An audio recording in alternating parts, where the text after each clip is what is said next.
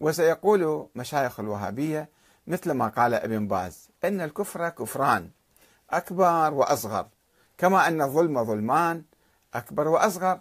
فمن استحل الحكم بغير ما أنزل الله أو الزنا أو الربا أو غيرهما من المحرمات المجمع على تحريمها فقد كفر كفرا أكبر إذا استحلها. ومن فعلها بدون استحلال كان كفره كفرا أصغر وظلمه ظلما أصغر. وهكذا فسقه. ويضيفون أن التشيع اجتهاد محتمل.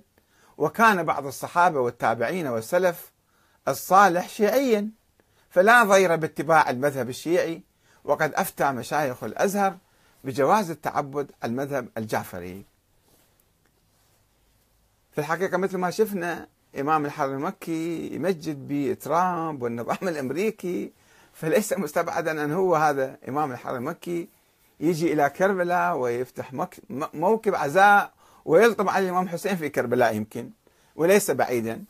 وشفنا إمام الحرم المدني الذي تلا واقعة كربلاء وبكى في صلاة الجمعة قبل أسبوعين تقريبا. فهذه مقدمات أنه ممكن التحول هذا مفتوح يعني ممكن أي تحول يحدث في السعودية.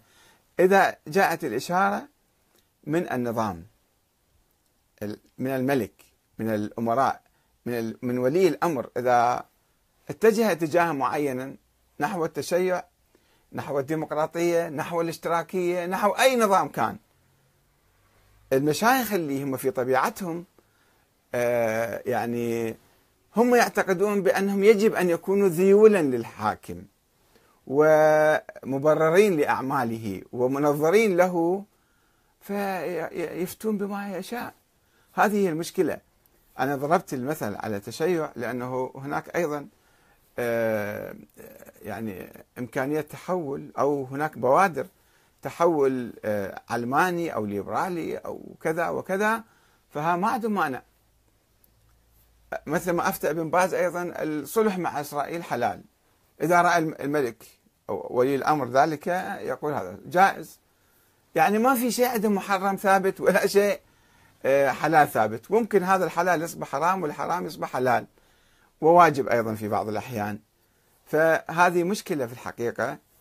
يعني المهم العلماء يجب أن ينظروا إلى الأمور نظرة مستقلة عن الحكام. ما يكونوا هم تابعين للحكام.